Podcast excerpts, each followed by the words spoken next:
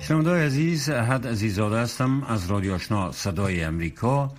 از واشنگتن با تقدیم برنامه گفتشنود امشب. خلیزاد نماینده ویژه ایالات متحده امریکا در امور مسائل افغانستان در سفرش به کابل با محمد اشرف غنی رئیس جمهور و عبدالله عبدالله رئیس شورای عالی مصالحه ملی کشور دیدار و گفتگو کردن. گفته میشه نشست ترکیه پیرامون صلح افغانستان در جریان چند هفته برگزار شود و نشست است که گفته میشه البته مقامات ترکیه هم گفتن که متمم مذاکرات دو هست.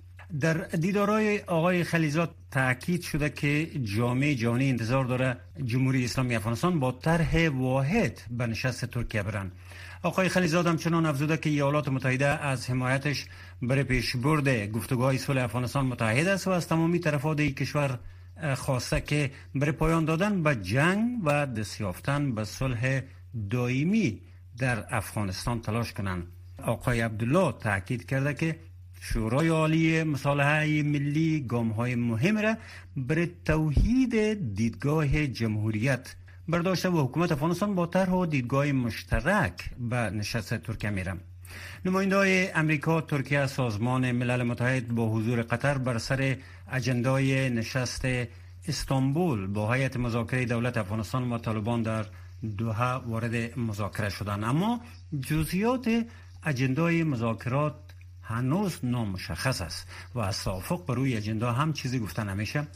با این پیش گفتار کوتاه برنامه امروز اختصاص دادیم به نشست و یا نشست های آتی صلح در مورد افغانستان. این بار با شرکت وسیعتر جامعه جهانی در ترکیه و یا هم به تعقیبان در جاها و کشورهای دیگر.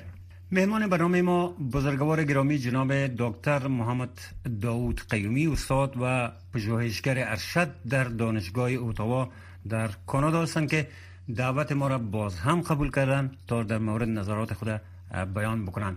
از شرکت شما جناب دکتر صاحب و از که شما همواره بر ما محبت روا داشتین و در برنامه ما حضور میفین ممنون و سپاسگزار هستیم. تشکر من بسیار خوشحال هستم که در برنامه همراه شما حضور دارم. خدمت شما و همه همکارای عزیز ما در صدای آشنا صدای امریکا سلام تقدیم می‌کنم. بین که بحث از این اظهارات آقای عبدالله شروع بکنیم که نظر شما در مورد بر ما روشن شوه. اونا گفتن که ما با یک نظر واحد به ترکیه میریم. فکر می‌کنین بالاخره دولت افغانستان آمادگی های لازم داشته باشن؟ از نظر داشتن یک طرح و هم فکری و هم نظری و بتانن با یک طرح واحد جانب ترکیه برن؟ ظاهرا تلاش های زیادی از طرف شورای عالی مصالحه ملی و دولت افغانستان در هفته اخیر صورت گرفت که یک طرح واحدی شکل بگیره. دولت افغانستان با به حمایت برخی از گروه های سیاسی در مذاکره شرکت بکنه.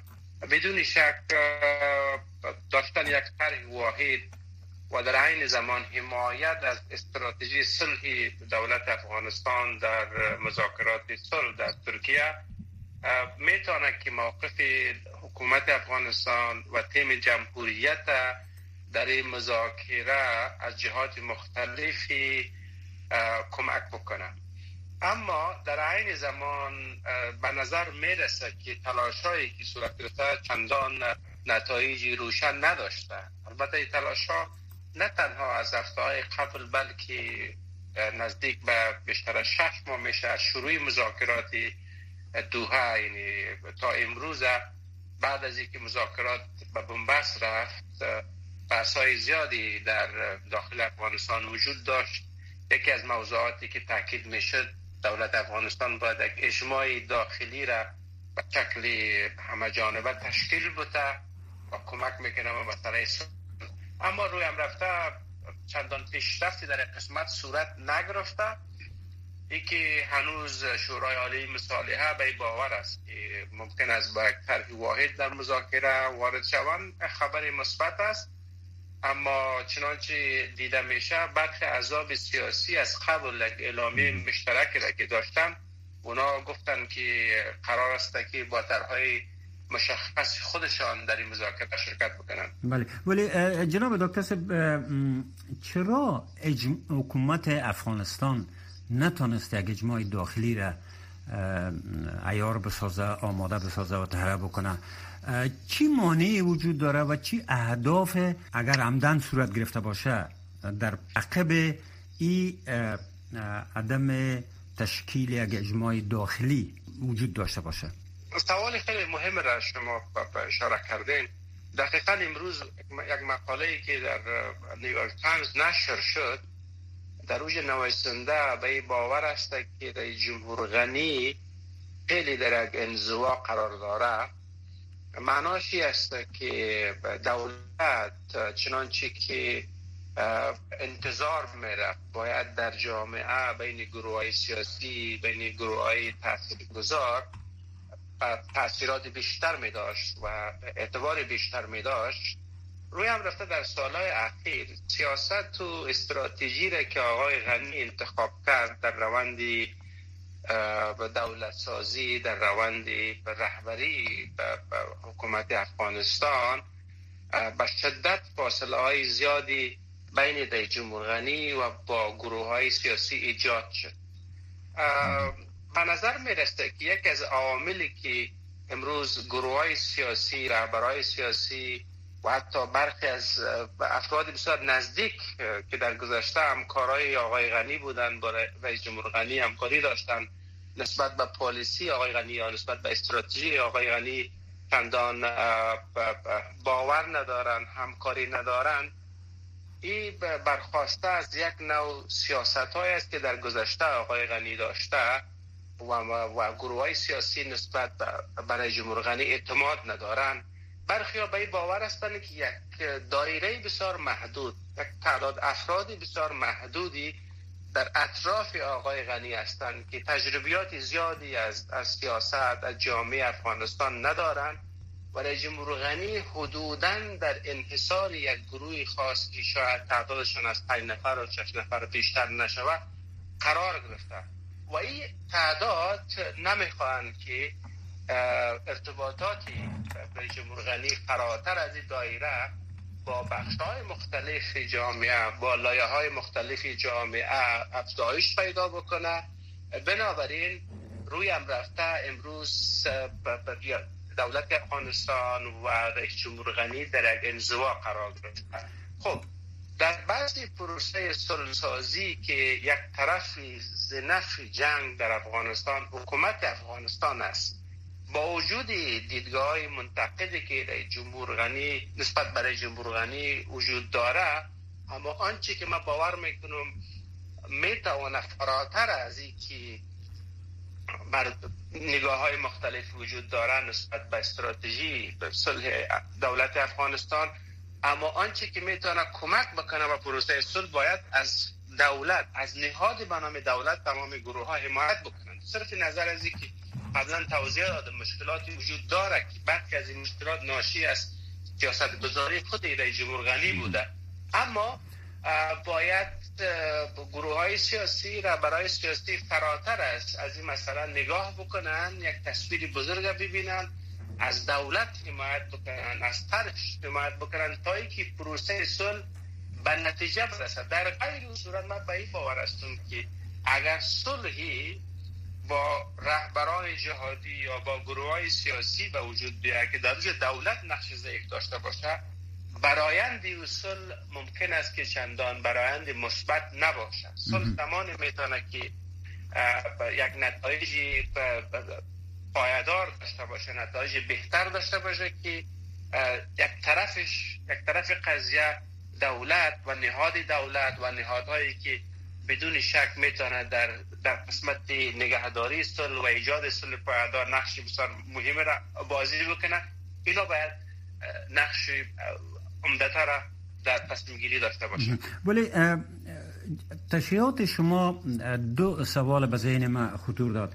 شما تذکر دادن که یک حلقه کوچک آقای غنی رئیس جمهور افغانستان احاطه کرده و خواسته های خود مطرح می سازن و او هم به مو خواسته تن میدن این حلقه کوچک چی منافع دارن که روی از او تاکید می‌کنن و با او اطمینان دارن که در آینده که احتمالا آقای غنی باشه یا نباشه چی منافعی به دست میارن آیا با اطمینان اینا گفتن می‌تونن که در زمانی که طالبا هم در حکومتداری شریک شوه اینا همون جایگاه رو به دست میارن خب بدون شک ای که چی منافع را این گروه هایی که در اطراف مخصوصا یک دایره بسیار محدود در اطرافش است دارن سوال بسیار مهم را در ذهن هر شهروند افغانستان ایجاد کرده.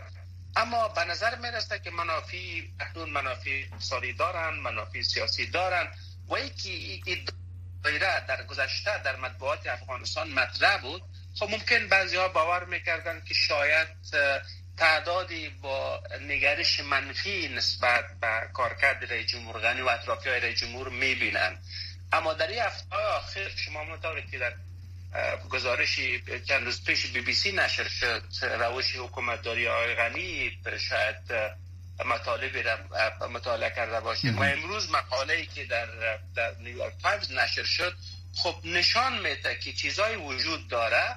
یک مجموعه محدود هستند که متاسفانه به جایی که کمک بکنن برای جمهوری افغانستان تا حدود فاصله های بسیار زیادی را ایجاد کردن و این تعداد باور ما است که استراتژی را دنبال می‌کنن که حتی اگر یک توافقی بعد از نشست ترکیه به وجود می آید تلاش, تلاش می‌کنن که در قدرت باشن.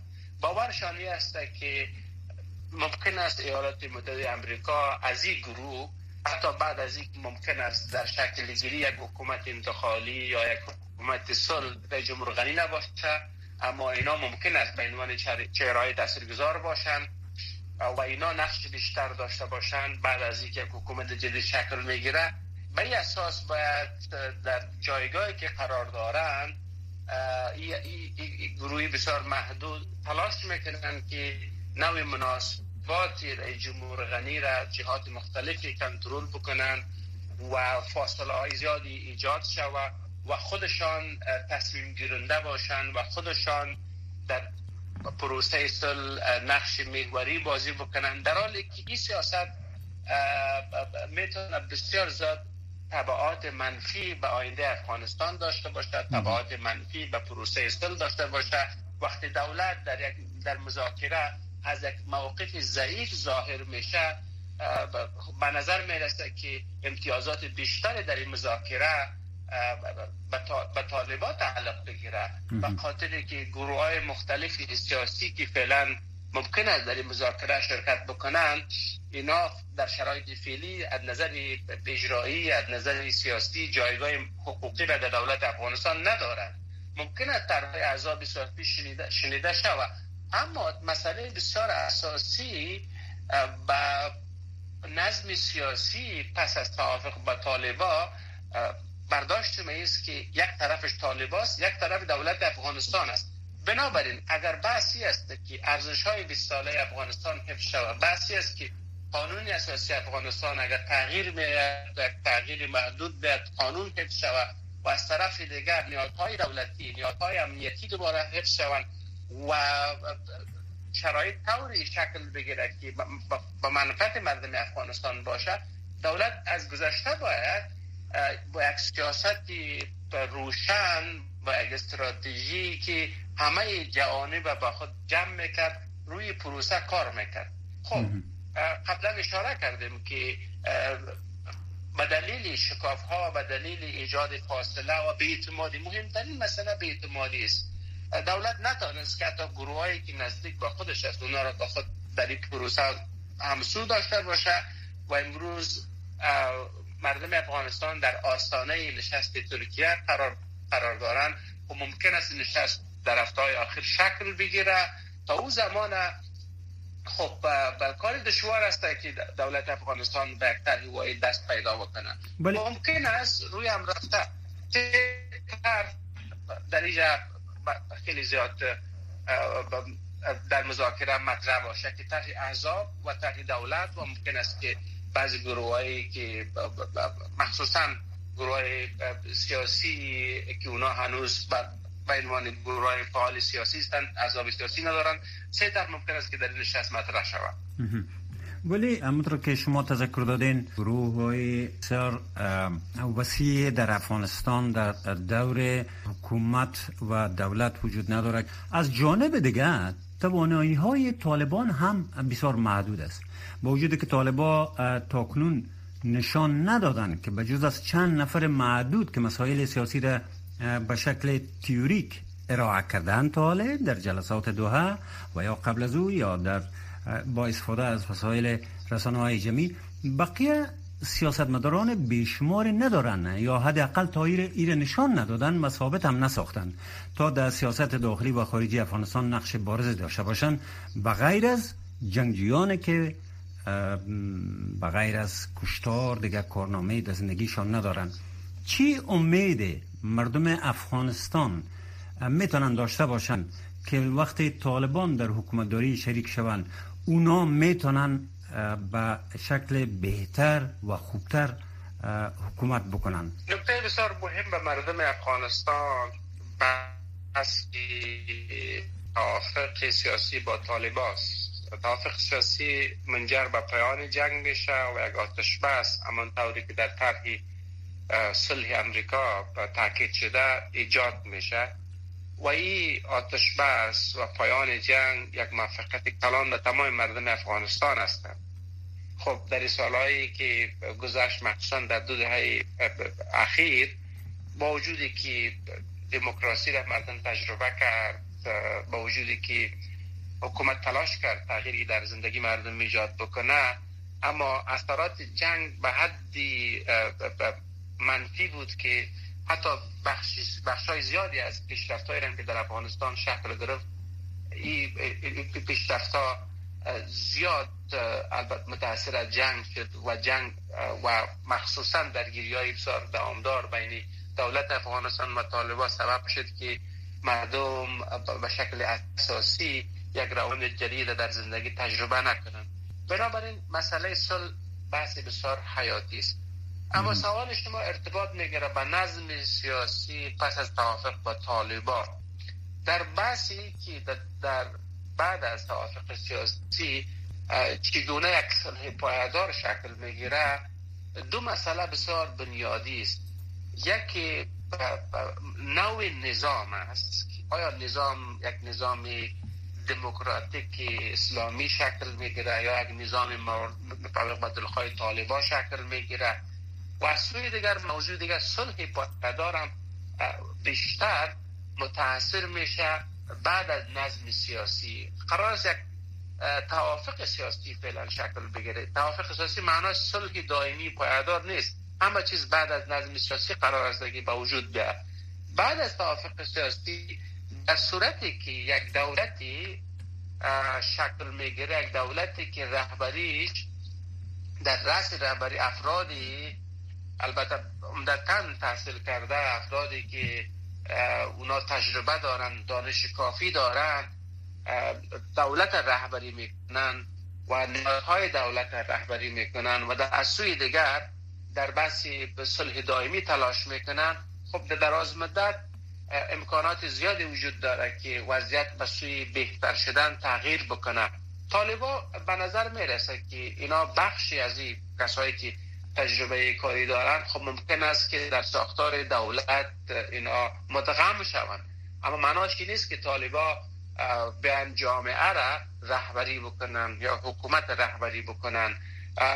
این مسئله کاملا در افغانستان و مخصوصا کشورهایی که به افغانستان کمک می‌کنه یک موضوع بسیار روشن است که در حکومتداری و نوع دولت سازی بدون شک چیزی که بسیار مهم است است که افرادی که در از قرار می‌گیرن باید از تجربه و دانش کافی برخوردار باشن اما از سوی دیگر یک حقیقت است. وقتی طالبا با دولت توافق سیاسی امضا می‌کنه خب افراد سیاسیش بخشی از دولت است. خب دولت دامنه وسیع داره. خب می‌تونن فعالیت بکنن در بخش های مختلف تا که تجربه اینا بهتر شود.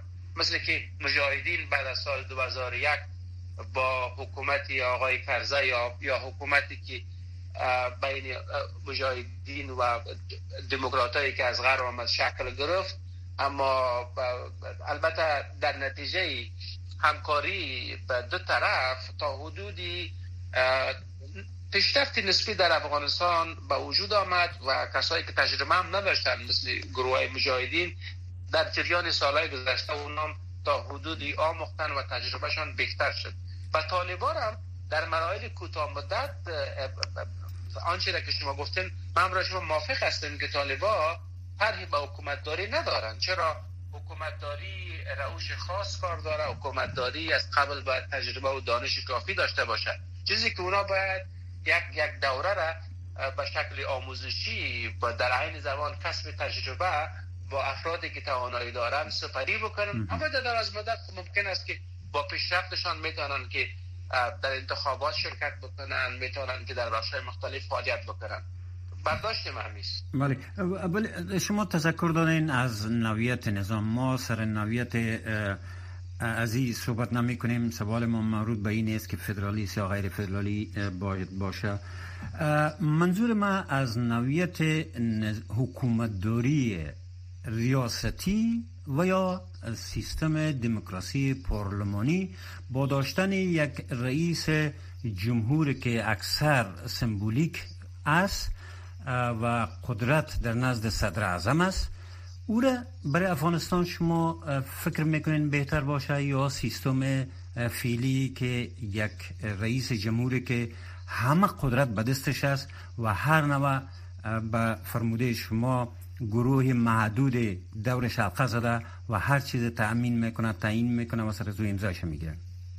و یک گروه محدود است که گاهی والی میشه گاهی وزیر میشه و بالاخره اگر مقامات آشفته شدن او را به جای به نام گدام مشاورین مسپارن بیزی که سیستم آینده بحث بکنیم از سیستم جدید به حد کافی مردم افغانستان در سال اخیر تجربه دارن. سیستم متمرکز نظام ریاستی که حتی در خود مرکز موثر نبوده.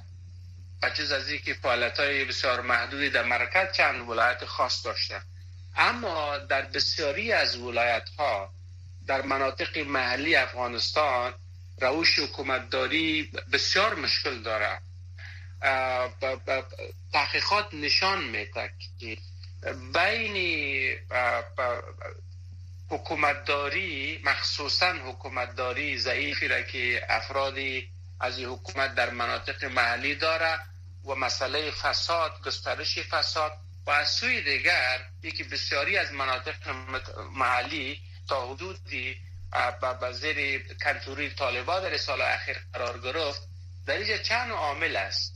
یکی از فاکتورهایی که تحقیق تحقیقات نشان میده این است که طالبا با آسانی نمی‌توانستند که در سالهای اخیر در مناطق محلی نفوذ بکنند و سایه کنترلشون گسترش بدن فساد اداری فساد سیاسی حکومتداری ضعیف در محلات در مناطق محلی سبب شد که مردم اعتمادشان نسبت به ادارات محلی از دست دادن و خودشان زمینه را به آمدن طالبا فراهم ساختند. در این صورت امکاناتی بسیار محدود اختار طالبا بود که در مناطق محلی به شدت اینا نفوذ بکنن و اثرگذاری بکنن. خب نشان داد بهتا که حکومتداری در چارچوب نظام ریاستی به مردم افغانستان نتایج مطلوب نداشته و به شدت مردم از نوع حکومتداری شاکی هستند. والی ها صلاحیت ندارن و جز تلاش می‌کنن که به شکل سمبولیک نقش بازی بکنن بنابراین بهترین حکومت با آینده می‌تونه یک حکومت غیر متمرکز باشه. یک سیستمی که حداقل توازن قدرت بین رئیس جمهور و, و نخست وزیر یا صدر اعظم وجود داشته باشه. قانون اساسی فعلی افغانستان وقتی که شما بررسی می‌کنید به نظر می‌رسه و دیده میشه که یک صلاحیت بسیار فوق العاده برای جمهور در نظر گرفته شده که شاید این صلاحیت در جمهور بالاتر از یک شاه باشه. و به هیچ کس پاسخگو نیست. در, در دموکراسی سه مسئله بسیار مهم است. در حکومت های دموکراتیک باید دموکراسی پاسخگو باشه. باید قانون اجرا شود باید به خواست مردم احترام شود اما شما در نظام فعلی می‌بینیم که هیچ نوع توازنی وجود نداره در بین قدرت رئیس جمهور و دیگر نهادهای دولتی. و یکی از عوامل فساد هم امیست که قدرت بسیار زیادی در اختیار در جمهور قرار داره. این بهتر در نظام پیشی رو روی موضوع باید کار صورت بگیره تا نظام غیر متمرکز در افغانستان شکل بگیره که بتانه خدمات بهتر به مناطق محلی افغانستان داشته باشه. به نظر بعضی از تحلیلگران مردم هم خسته شدن از آمدن دوباره و دوباره و دوباره همو چهره های تکراری که در زمان جهاد داشتن همو چهره های تکراری که در زمان احتمالا کمونیستا بودن همو چهره هایی که همیال هم در پست های مختلف تکرار میشن تکرار میشن اگر طالبان باشن به ولی معرفی نشن در هم رقمی که گفتم در گدام مشاورین برده میشن. چی روی حل وجود داره؟ آیا امکان ازی در افغانستان در یک قرارداد صلح در یک تعامل وجود داشته؟ خود باشه که مثلا اگر یک حکومت موقت یا حکومت گذار یا دوره که هر چی که نامش شما یا تحلیلگرای دیگه می‌گذارن یا مردم افغانستان می‌گذارن دو قید شود که رهبری که در دوره گذار میایه و کشور آماده می‌سازه برای یک صلح دائمی از کندید شدن دوباره به حیث رئیس جمهور منع شود. بدون شک این تجربه در کشورهای دیگه هم وجود داشته. در صورتی که طرفین متخاصم به یک نتیجه برستن و یک حکومتی که گذار مخصوصا یک حکومت انتقالی به وجود بیایه خب آنچه که شما اشاره کردین ممکن است که رئیس جمهور یا رهبری که این دوره را مدیریت می‌کنه در, در آینده چانسی به کاندید شدن نداشته باشه. خب طبعا هرگز در افغانستان وقتی در قدرت بوده با آسانی مسیر انتخابات به منفعتش رهبری کرده و در انتخابات تقلب صورت گرفته همین تجربه شده در افغانستان. بله نتایج تقلب از سال 2014 ما شاهد هستیم تا 2019 دو انتخاباتی که در سال اخیر در افغانستان صورت گرفت به شکل بسیار منفی به دموکراسی افغانستان اثرات بسیار زیاد بدی داشته که امروز مردم وقتی که راجع به دموکراسی با مردم صحبت بکنین مردم دموکراسی در چارچوب انتقال قدرت در افغانستان با شک و تردید می‌بینن. حتی به باور هستند که چیزی به نام دموکراسی در مسئله انتخابات وجود نداره. چرا در 2014 انتخابات نتایج روشن نداشت؟ حکومت توافقی شکل گرفت در نتیجه مداخله وزیر خارجه قبلی امریکا به همین شکل در انتخابات 2019 انتخابات تقلب شد نتیجه روشن نداشت. فقط دموکراسی فعلا در افغانستان در چند ساحه بیشتر در زندگی مردم باستاب پیدا کرده که دوج نقش بیشتر نقش خبرنگار است نقش مطبوعات است آزادی بیان است حضور جامعه مدنی است حضور خانم هاست در این اوضاع که عمدتا اوضاع کارکرد شرمنده افغانستان است تا حدود دموکراسی بازتاب بسیار مثبت در, در بین مردم داشته. اما در ساحه کارکرد دولت دموکراسی خیلی زیاد کارکرد منفی داشته که دو مثال داشت دو انتخابات سال اخیر است. از این جهت ما برداشتیم است که ممکن است این تدابیر در, در توافق سیاسی گرفته شود که نباید کسی که در رأس قدرت قرار می‌گیرد در دوره انتقالی او بعد از پایان دوره انتقالی چانس و امکاناتی بر کاندید شدن داشته باشه جناب دکتر قیمی نویسنده استاد و پژوهشگر ارشد در University اوتاوا در کانادا از شرکتتان در برنامه امشب منت گذار استم شنونده محترم آنچه را شنیدید نظرات مهمان این برنامه بود نه موقف صدای امریکا.